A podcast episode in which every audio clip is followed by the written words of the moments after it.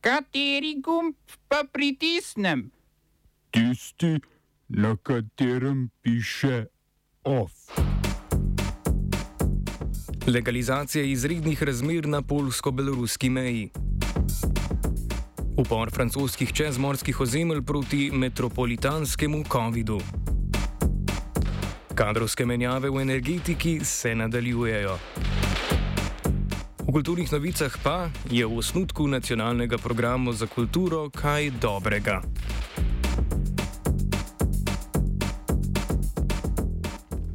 Polski predsednik Andrzej Duda je podpisal novelo zakona o varovanju polske državne meje. Zakon daje podlago za omejevanje dostopa novinarjev in humanitarnih organizacij na obmejni pas.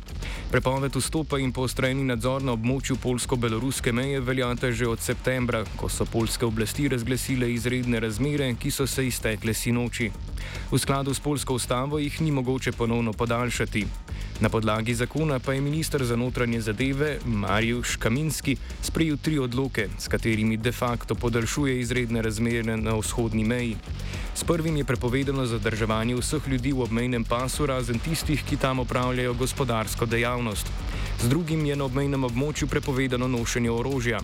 Tretji odlog pa obmejni straži pri varovanju meje dovoljuje uporabo kemičnih sredstev, kot je sozivec. Amandma senata na zakon o varovanju meje, ki naj bi omogočil prost dostop novinarjev in humanitarnih organizacij do obmejnega območja, so poslanci polskega sejma zavrnili. Pravna pisarna senata in varuh človekovih pravic opozarjata, da je zakon v nasprotju z ustavo, saj krši pravice polskega prebivalstva do gibanja znotraj lastne države in pravico do informiranja. Zakon pa ne nasprotuje, zakonu pa ne nasprotujejo zaradi kršenja ustavnih in mednarodno pravno zagotovljenih pravic beguncev, ki so bodi si ujeti v obmejnem pasu, bodi si jih polska obmejna straža izžene nazaj v Belorusijo.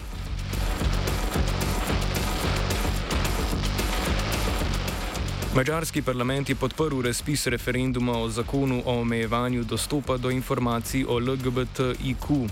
Opozicija je glasovanje bojkotirala. Referendum bi lahko potekal istočasno kot prihajajoče mađarske parlamentarne volitve spomladi leta 2022, kar predstavniki vladajoče stranke Fides označujejo za smotrno odločitev, ki bi omogočila nižanje stroškov. Nasprotniki referenduma pa opozarjajo, da bi Fides politično kampanjo tako lahko gradil predvsem na račun referendumskega glasovanja. Portugalski predsednik Marcelo Rebelo de Souza je že drugič uporabil predsedniški veto za zavrnitev zakona o legalizaciji eutanazije. Predsednik je podaril, da zakon zanj premalo natančno opredeljuje pogoje, po katerih se lahko medicinsko osebje odloči za omogočenje postopka.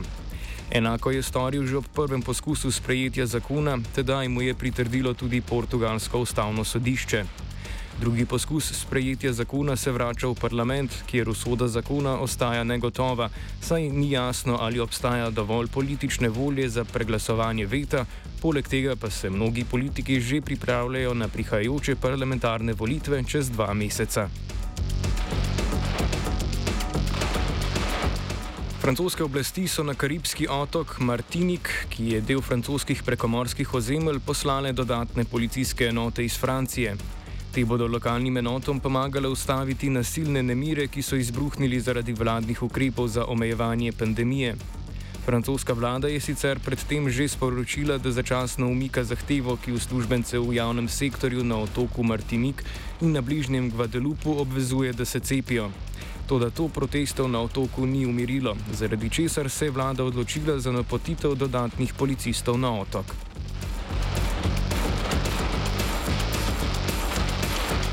Turška centralna banka je v želji po ustavitvi paca tečaja lire znova neposredno ukrepala z odprodajo lastnih zalog močnih valut, kot sta ameriški dolar in evro. Centralna banka je to storila kljub predhodni zavezi guvernerja Šahapa Kaudžoluja, da banka na valutni trg ne bo poskušala vplivati in dejstvu, da ima Turčija omejene zaloge tujih valut. Od prodaje stabilnih valut je začasno ustavila padec turške lire, ki vrednost pada že več let. Eden osrednjih krivcev za padec vrednosti lire je strategija centralne banke, ki znižuje obrestno mero, da bi tako omogočila niže cene zadolževanja, namesto da bi mero dvignila in tako spodbudila vrčevanje ter omilila rast inflacije. Zaradi dviga obrestne mere sta morala odstopiti predhodna guvernerja centralne banke, saj je predsednik države Recep Tayyip Erdoğan unet zagovornik nizkih obrestnih mer. Ovo ću, ću bom odgovoril na angliški. Uh, Slovenia will try to help. We can Slovenia will and we will do our utmost to say that the situation is our problem ourselves. and We will make further steps as soon as the conditions are. bomo vlado Marjana Cererja, Mira, Marjana Cererja Šarca podprli. uh, very, very serious. we know how and we will. Nadzorni svet holdinga Slovenske elektrarne je odobril imenovanje novega vodstva termoelektrarne Šoštan in dravskih elektrarn Maribor. V dravskih elektrarnah bo vodstvo ponovem dvočlansko. Sestavljala ga bosta Aleksandr Brunčko, ki je na zadnjih lokalnih volitvah kandidiral na listi SDS v Rušah, in Damjan Seme, ki se vodstvu pridružuje naslednje leto. V termoelektrarni Šošten bo me- mesto generalnega direktorja prevzel Matjaž Vodušek, na direktorskem stolčku pa ostaja Mitja Tašler. Voduška, nekdanjega direktorja sistemskega operaterja distribucijskega omrežja z električno energijo, je na to mesto imenovala še prva Janševa vlada. Parlamentarni odbor za obrambo je predlog levice za razpis posvetovalnega referenduma o resoluciji razvoja in opremljanja slovenske vojske do leta 2035 ocenil kot neprimeren. Primernost predloga je prepoznal le poslanec levice Miha Kordiš, drugi opozicijski poslanci pa so se glasovanja vzdržali. V levici trdijo, da resolucija predvideva dodatnih 5,4 milijarde evrov za nakupe orožja za delovanje vojske v tujini in splošno militarizacijo družbe s ponovnim uvajanjem obveznega služenja vojaškega roka. Poslanca stranke Alenke Bratušek in člana odbora za obrambo Marka Bandelija smo vprašali, zakaj so se v stranki glasovanja vzdržali. Ma, mi smo se vzdržali um, z glasovanja, ker eh, posredovanje referendum je brezvezen. Mi točno vemo, katera, kaj je napaka v tej nabavi, kakšna je bila napaka v resoluciji sami, kakšni so plani v resoluciji. Itak resolucija, tako kot je bila spremenjena pet let prej, se pravi, ta resolucija sedaj je obstoječa, velja do leta 25. Zdaj so sprejeli novo resolucijo, ki je do leta 35 in ni noben problem, če bi mi čez dve leti ali tri leti popolnoma spremenili to resolucijo. To je prva reč. Z levico smo se itak strinjali glede teh, teh stvari. Če ne strinjamo glede drugih, eh, eh, imamo par, par različnih pogledov glede te nabave. Eh, če hočemo obdržati vojsko, moramo tudi nekaj za vojsko dati in nameniti nekaj denarja glede temu. Vozniki na slovenskih cestah lahko od danes naprej kupijo e-vinjete, ki po 13 letih nadomeščajo fizične različice.